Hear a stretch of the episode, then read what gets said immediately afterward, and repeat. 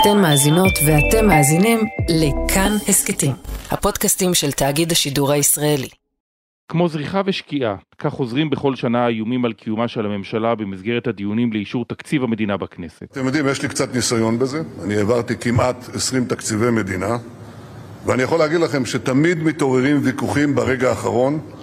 אני מאמין שנתגבר עליהם ונעביר את התקציב. ככל הנראה, למעט מקרה אחד בתולדות המדינה, התקציב תמיד עובר. בחמש וחצי לפנות בוקר עברה הקואליציה את המשוכה המשמעותית ביותר שלה מאז הקמתה. אני קובע כי הצעת חוק תקציב לשנת הכספים 2021 עברה ויש תקציב למדינת ישראל. זה לא היה פשוט. האיומים נשמעים, הדרישות מוגשות, אבל בדרך כלל ברגע האחרון כולם מתייצבים ומצביעים, התקציב עובר, ובקואליציה נשמעת אנחת רווחה שלפחות המוקש הגדול ביותר, האתגר המשמעותי ביותר בפני כל ממשלה, אחרינו. תקציב המדינה עבר. הצעת חוק התקציב לשנות התקציב 2015-2016 בעד החוק 61 קולות, נגד החוק 59 קולות. נא לא למחוא כפיים. בדרך כלל המועד האחרון הזה הוא 31 במרס, כלומר בסוף הרבעון הראשון של שנת התקציב. אלא שבשנים האחרונות קואליציות נופלות בקצב מוגבר ולוח הזמנים משתבש. הפעם ממשלת נתניהו השישית קבעה את המועד האחרון בסיום חמישה חודשים לקיומה, כלומר היום האחרון שבו ניתן להעביר תקציב זה יום שני הקרוב, 29 במאי. המטרה של שר האוצר בצלאל סמוטריץ' היא להשלים את חקיקת התקציב עוד לפני, עד יום רביעי, לפני חג השבועות. שלום, כאן יואב קרקובסקי ואתם על עוד יום, הסכת האקטואליה של כאן. הפעם נצלול לשאלה למה אי העברת תקציב מביאה באופן מיידי לנפילת ממשלה. אין מספיק דברים שמאיימים על היציבות הקואליציונית בישראל? וכך הגענו פעם אחרי פעם, ערב העברת תקציב, האיומים על שלמות הממשלה מתרבים ואנחנו כפסע, לכאורה, מפיזור הכנסת והליכה לבחירות, שוב בחירות. את פרופסור גידי רהט, ראש המחלקה למדע המדינה באוניברסיטה העברית בירושלים ועמית בכיר במכון הישראלי לדמוקרטיה, נשאל אולי באמת הגיע הזמן שבו תופרד התלות בין העברת תקציב לקיומה של הממשלה. אבל עוד קודם נהיה עם יערה שפירא, כתבתנו בכנסת, על המכשולים האחרונים בדרך לאישור התקציב. שלום יערה שפירא. שלום יואב. אז הגענו להעברת תקציב המדינה הראשון של ממשלת נתניהו השישית עם לא מעט איומים קואליציוניים, זה מתחיל מהחרדים, עובר לאבי מעוז, ממשיך ומתעצם עם עוצמה יהודית של בן גביר. כן, אולי נעשה רגע סדר באיומים. אז uh, האיומים המרכזיים, נשים רגע את אבי מעוז בצד, כי בכל זאת גם עם 63 הצבעות אפשר להעביר תקציב, האיום של אבי מעוז הוא אם לא תיתנו לי את התקציב לרשות לזהות יהודית אני לא מצביע איתכם, אבל כאן הקואליציה לא מאוד מוטרדת, כי מקסימום אז לא יצביע, בואו נשים את זה בצד. האיומים המרכזיים הם של עוצמה יהודית ושל יהדות התורה, ובפרט אגודת ישראל, המפלגה החסידית בתוך יהדות התורה. בשביל מה חתמנו? כדי לא לקיים, לא לקיים את החינוך, ההשוואה לא מקיימים, כן?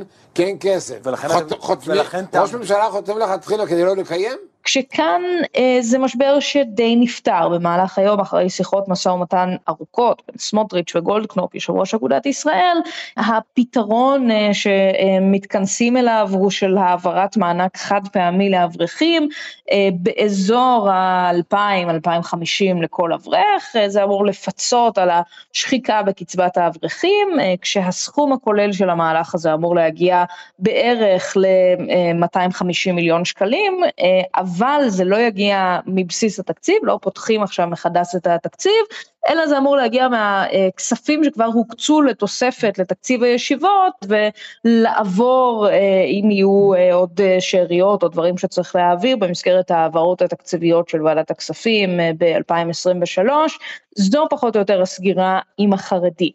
בן גביר זה עוד סיפור פתוח. האחים שלנו בנגב ובגליל, בתקציב הקרוב חייבים, חייבים להשקיע בנגב ובגליל.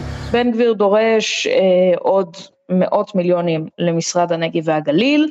אה, הטענה שלו היא גם טענה אישית כלפי סמוטריץ', שותפו לשעבר, אומר אתה שר אוצר נבחרת בין היתר בקולות הפריפריה ועכשיו אתה דאגת יותר לאינטרסים המגזריים של הציונות הדתית וקיפחת את הנגב והגליל גם אה, באופן אה, שנוגד את מה שסוכם בהסכמים הקואליציוניים של עוצמה יהודית עם הליכוד.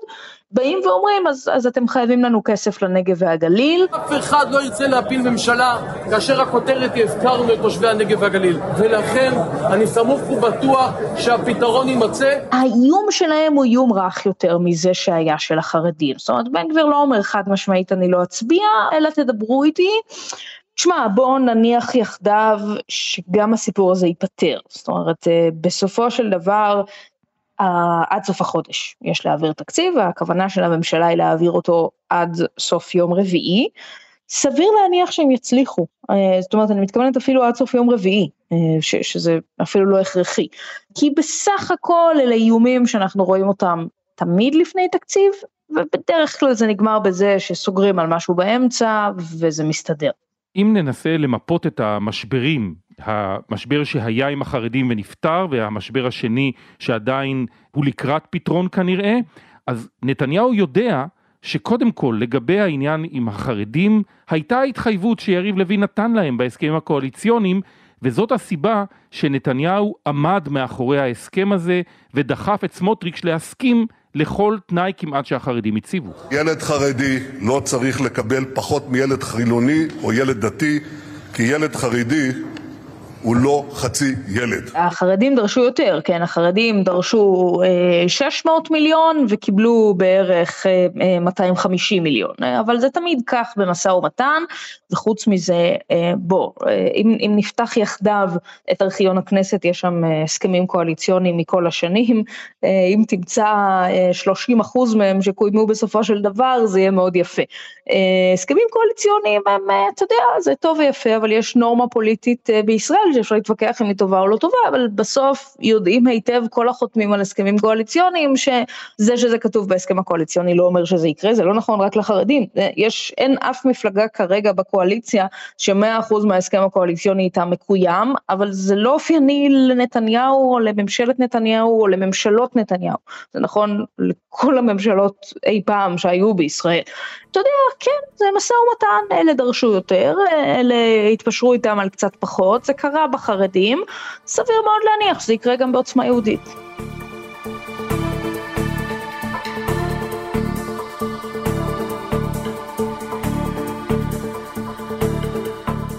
איך אמר לי פעם שר אוצר לשעבר בשם סילבן שלום? בעיות שאפשר לפתור בעזרת כסף ציבורי, פותרים בעזרת כסף ציבורי.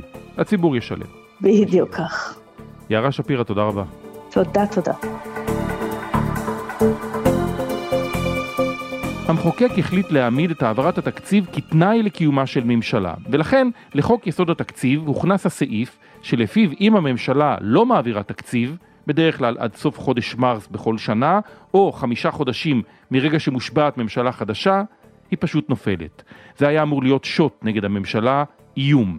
אבל לפחות פעם אחת ראש הממשלה לא רק שלא נבהל מהאיום הזה, נתניהו ראה באופציה הזאת תקווה לעוד סבב של בחירות. אגב, זה היה בני גנץ שנפגע מהאירוע הזה, והוא הציע הצעה מאוד מיוחדת במסגרת תוכנית לעיצוב הממשל בישראל, ולפי הסעיף הזה, גם אם לא עובר תקציב, הממשלה ממשיכה לכהן. שלום פרופסור גידי רהט. שלום שלום. אז זה הולך לקרות השבוע. תקציב יעבור לדעתך? תודה למי ניתנה הנבואה. אני אאמר שכן, אבל אה, כשהימרתי לפני ארבע שנים שלא יהיו בחירות חדשות, אתה זוכר אז ב-2019 טעיתי, אז אה, אפשר גם לטעות פה. עכשיו תסביר לי למה כל כך חשוב לאשר תקציב מדינה. תקציב מדינה הוא חשוב בגלל שהוא בעצם uh, הביטוי המעשי למדיניות של הממשלה, איפה הממשלה משקיעה את הכסף ולא פחות חשוב מזה איפה היא לא משקיעה את הכסף. עכשיו תקציב המדינה זה בעצם אפשר להגיד שזה המקור אולי לה, להיווצרות היותר מאוחרת של הדמוקרטיה, זה הכל התחיל עם המלכים שרצו לאסוף כסף כדי לעשות מלחמות והם היו צריכים את האצילים בשביל זה ואז הם נתנו לאצילים זכויות והוקם הפרלמנט ואנחנו נמצאים באיזשהו אה, המשך של הסיפור שבו כל הציבור משותף בדברים. והרעיון הבסיסי הוא שהמיסים בעצם מתרגמים את הרצונות שלנו, אלה ש, שניתנו בבחירות לידי מדיניות ולכן תקציב המדינה הוא דבר מאוד מרכזי בכל מדינה ובטח בדמוקרטיה אבל למה החליטו להצמיד את הסנקציה הזאת של פיזור כנסת לאישור תקציב? הרי זה גם ככה כל כך מורכב לקיים את הדמוקרטיה הישראלית לצורך העניין. הרי מה שעשו זה בדיוק, המטרה הייתה הפוכה. באותם הימים שהצמידו את שני הדברים, זה בא ביחד עם הבחירה הישירה וזה לא בוטל אה, לאחר מכן. המחשבה הייתה שחברי כנסת נבחרו והם לא ירצו לפזר את עצמם ולכן הם יתמכו בתקציב המדינה, זאת אומרת המטרה הייתה אז להוריד את יכולת הסחיטה או המיקוח של חברי הכנסת הבודדים. הנחת היסוד הייתה שחברי הכנסת ייכנעו לראש הממשלה, למי שמוביל את התקציב, כי חברי כנסת הם אנשים שזה עתה נבחרו או שנבחרו והם הדבר האחרון שהם רוצים זה לעמוד עוד פעם לבחירות. זה היה הרציונל. וכמו שאנחנו רואים, כל מיני הנחות יסוד שלנו על הפוליטיקה הופרכו עם השנים, אני מדבר על הנחות, על דברים שלקחנו כמובן מאליו. מה שאנחנו רואים זה שקרה בדיוק ההפך, משום שההנחה שחברי כנסת לא יצביעו ויפזרו את עצמם, הוכחה, אתה יודע, בשנים האחרונות בישראל, לא בכל העולם, כהנחה בעייתית, הם פיזרו את עצמם חמש פעמים כבר. 94 בעד, אין מתנגדים או נמנעים. הכנסת אישרה את חוק התפזרות הכנסת ה-22 והקדמת בחירות תש"פ 2019. בדמוקרטיות אחד הדברים ש, ש, שהיה נהוג לפחות בעבר זה שראש ממשלה מביא את התקציב לפרלמנט והוא אומר להם, בלי, בלי שיש את זה בחוק, הוא אומר להם חברים, חברות, אם אתם לא מאשרים את התקציב, אני מתפטר, אני מפזר את הפרלמנט והולכים לבחירות חדשות, זאת אומרת ההיגיון הזה פעל פעם בפוליטיקה הדמוקרטית והיום, לפחות אצלנו, הוא כבר לא עובד.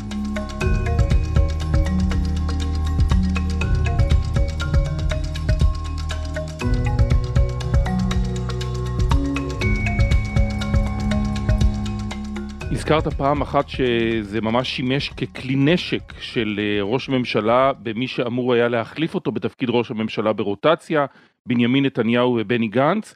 זו הייתה הפעם אולי המרכזית שבה בגלל תקציב נפלה ממשלה. זכור לך מקרה נוסף כזה? מאז שחוקק החוק זה לא קרה, זאת הייתה הפעם היחידה שהעילה הזאת אה, ככל הזכור לי שימשה לפיזור הכנסת. עכשיו האם לפני זה התפזרה ממשלה בגלל אה, תקציב? התשובה תהיה כנראה ש, שהיו דברים מעולם, כי תקציב זה גם חלק ממדיניות, אבל לא זכור לי ש, שרק על תקציב מדינה ממשלות אה, התפזרו. המשחק פעם גם צריך לזכור, הוא לא היה משחק חוקי, זה לא היה בחוק, זה היה משחק אה, בלתי פורמלי, ואז כש... מקדימים בחירות והוקדמו בחירות בישראל, הרבה פעמים זה מעילות שונות מהרבה מאוד עילות ביחד. אי אפשר היה אולי לשים את האצבע, הפוליטיקה הייתה הרבה יותר עמומה ככל שזה נוגע.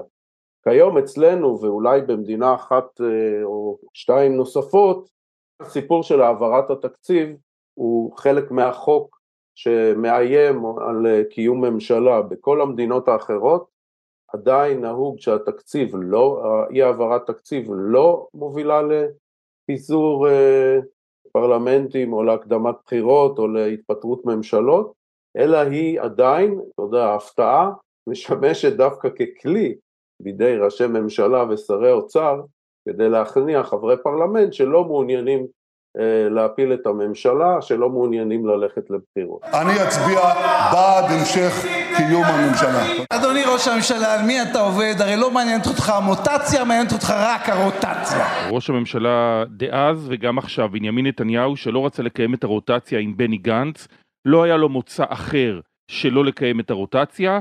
נקודת היציאה היחידה שהייתה לו מההסכם הזה, שהיה גם מגובה בחוק, הייתה אי העברת תקציב, ובעצם, למרות שלבני גנץ היו התראות שזה מה שיעשה בנימין נתניהו, הוא חתם על ההסכם הבעייתי הזה, ובסופו של דבר זה כמובן התפוצץ לו בפרצוף, נתניהו לא העביר תקציב, הממשלה התפזרה, והלכנו לבחירות, גנץ כידוע לא קיבל את תפקידו כראש ממשלה. הדוגמה הזאתי, זה שראש ממשלה עוד משתמש בזה, כן, שזה היה אמור להיות הכלי שלו מול חברי כנסת, זה מצביע על, ה, על מה שקרה ב, במדינת ישראל ב, בשנים האחרונות. אנחנו חצינו איזשהו רוביקון, זאת אומרת, מי שהיה אומר לי, ואולי גם לך כפרשן פוליטי כל כך הרבה שנים, שחברי כנסת יפזרו את עצמם, שראש ממשלה אה, יגרום לממשלתו אה, להתמוטט אחרי שהצליח להקים אותה סוף סוף אחרי שלוש מערכות בחירות, זאת אומרת, כל הדברים האלה, אם אני הייתי, אני לא הייתי חולם עליהם, ואני לא בטוח שאתה היית חולם עליהם, נדמה לי שחוקי ה, הטבע הפוליטיים מופרים פה שוב ושוב, וזה יוצר הרבה מאוד מבוכה וקושי, זאת אומרת, הסיבה היחידה שאפשר להניח שהתקציב הזה לא יעבור זה, כי מישהו פה התרגל, הפוליטיקאים לפחות התרגלו לבחירות בכל שנה, זה משהו לא נורמלי, זה משהו שלא אמור לקרות. בלי קשר uh, לענייני התקציב, באופן כללי אנחנו למדנו בשנים האחרונות uh, את כל החוקים הקונסטיטוציוניים שתפקידם למנוע בחירות, למדנו שאפשר למתוח אותם עד הסוף, כולל אם לא מצליחים להרכיב ממשלה, עוברים את כל התהליך, מועמד ראשון ומועמד שני וחוזר לכנסת, כל הדברים האלה גם שם היו מעין מחסומים שתכליתם הייתה למנוע יציאה למערכת בחירות, כלומר האיום של פיזור הכנסת, וגם כאן אה, הפוליטיקאים ראו בזה תקווה ולא הרתעה בפני בחירות. לכל אלה שמוחאים כפיים רק לזכור שהניסיון מלמד שאלה שמחאו כפיים בהצבעות על פיזור הכנסת בדרך כלל לא מעטים מהם לא נבחרו לכנסת הבאה, אז לא לשמוח לפני הזמן. כן, זה גם חלק, אני חושב, מהפוליטיקה שנוצרה בישראל, פוליטיקה אישית שמרוכזת מצד אחד באיש אחד ובאיש שעומד אה, כמתנגד לו, ומצד שני אה, בפוליטיקאים בודדים שכל אחד מושך לכיוון שלו, זאת אומרת כל הסיפור הזה הקבוצתי, הקואליציוני, המפלגתי, די נחלש ואנחנו נמצאים באיזושהי סחרחורת כזאת שאתה יודע, אה, אנחנו יכולים לראות מה קרה אבל לחשוב מה יכול לקרות במשחק כזה זה, זה פשוט קשה לחזות זה משחק מאוד כאוטי, וקשה לראות איך המערכת הזאת אה, מתייצבת בזמן הקרוב.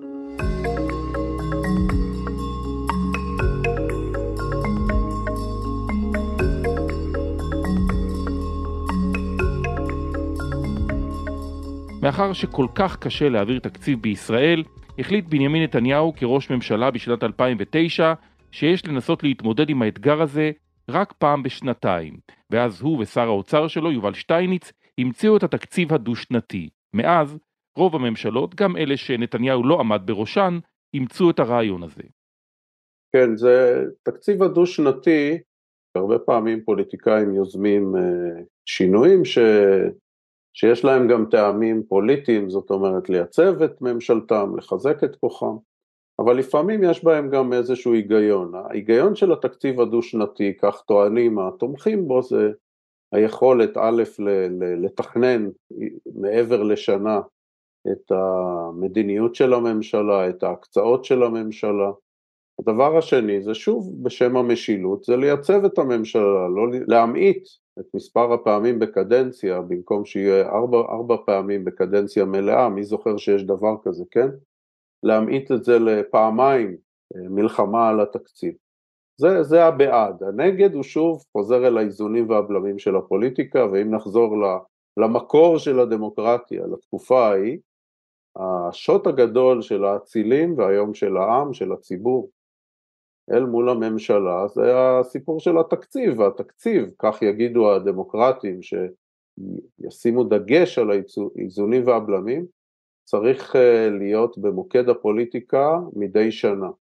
זאת אומרת, יש פה איזושהי דילמה בין משילות לבין אה, אה, איזושהי ייצוגיות ואיזשהו איזונים ובלמים בדמוקרטיה. זאת אומרת, בדיוק כמו שהשאלה שנשאלת לגבי עצם הצמדת התקציב להישרדות הממשלה, היא בעצם אותה, אותה שאלה עולה פה שוב, איזה איזון אנחנו רוצים בין שני הדברים האלו, ועל זה צריך להתמקד, זאת אומרת זאת השאלה מנקודת המבט שלנו, השאלה בין המשילות לבין, ה, אה, אם אנחנו רוצים, לבין ההשפעה, לבין היכולת להשפיע יותר, לבין היכולת ל, ל, לאזן את הממשלה, ופה נמצאת איזושהי דילמה, וכמובן שבזמנים, אה, שוב, בזמנים נורמליים, היה אפשר לחשוב מאוד מאוד בחיוב לגבי הסיפור הזה של תקציב דו-שנתי. אה, כרגע הוא לא נראה לי כל כך רלוונטי בטווח הישרדות הממשלות, הן אה, לא, לא מצליחות לממש את הפוטנציאל בתקציב הדו-שנתי. גידי רהט, מה ההשלכות הפוליטיות של הסנקציה הזאת של פיזור הכנסת אה, במהלך הליך אישור התקציב? זה בסופו של דבר נותן יותר מדי כוח למי שסוחט את הקואליציה. עד לפני 4-5 שנים אני הייתי אומר לך בביטחון רב שחייבים מיד לבטל את היכולת הזאת של חברי הכנסת לסחוט, כי שוב, זו לא הייתה כוונת המחוקק, בגלל שהמחוקק התכוון למעשה להחליש את כוח הסחיטה של חברי הכנסת. הייתי אומר לך שבדמוקרטיה חייבים משילות, אבל אני חייב להגיד לך שאני כבר לא כל כך בטוח, כמו שאני לא בטוח בהרבה הנחות אחרות, כי אנחנו נמצאים כרגע במצב שהדמוקרטיה במובן של איזונים ובלמים נמצאת בסכנה ובמובן מסוים אפילו הכבשת הרש הזאת, כבשת הרש המעוותת הזאת, היא יכול להיות איזשהו, בכל זאת, איזשהו בלם, איזשהו משהו מרסן על הכוח של ראש ממשלה מאוד ריכוזי. אז אמנם חלק ניכר מהאנשים לא אוהבים את זה כי הכספים הולכים לסקטורים מסוימים, או הולכים למטרות שהם לא מזדהים איתן, אבל אם ניקח מרחק ונתעלם מזה, אם ניקח מרחק ונחשוב על זה מנקודת המבט הדמוקרטי, יכול להיות שכרגע במצב הנוכחי, כאשר אין כמעט אה, איזונים ובלמים על הממשלה, כאשר האיזון והבלם המרכזי על ממשלת ישראל אה, בעל כורחו לפעמים, אה, בעל כורחה מערכת המשפט נמצאת בסכנה, יכול להיות שאפילו הדבר הקטן הזה צריך להישאר וזה לא הזמן לוותר עליו. אבל כשנגיע לימים טובים, אם נגיע שהדמוקרטיה תתייצב, אין ספק שיהיה צריך לוותר על זה, משום שזה יוצר בעיות משילות וכוח סחיטה מוגזם לכוחות אחרים, לכוחות אה, סקטוריאליים, לחברי כנסת בודדים.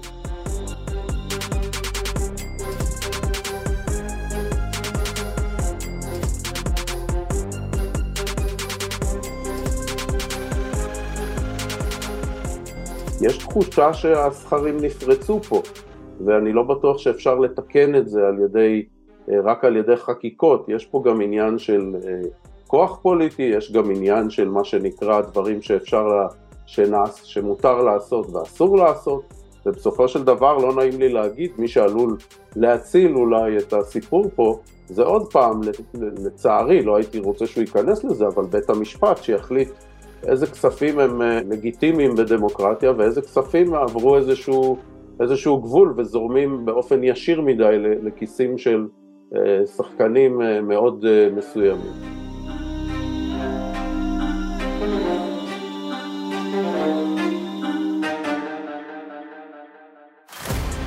פרופסור גידי רהט, תודה רבה לך. אני מודה לך מאוד.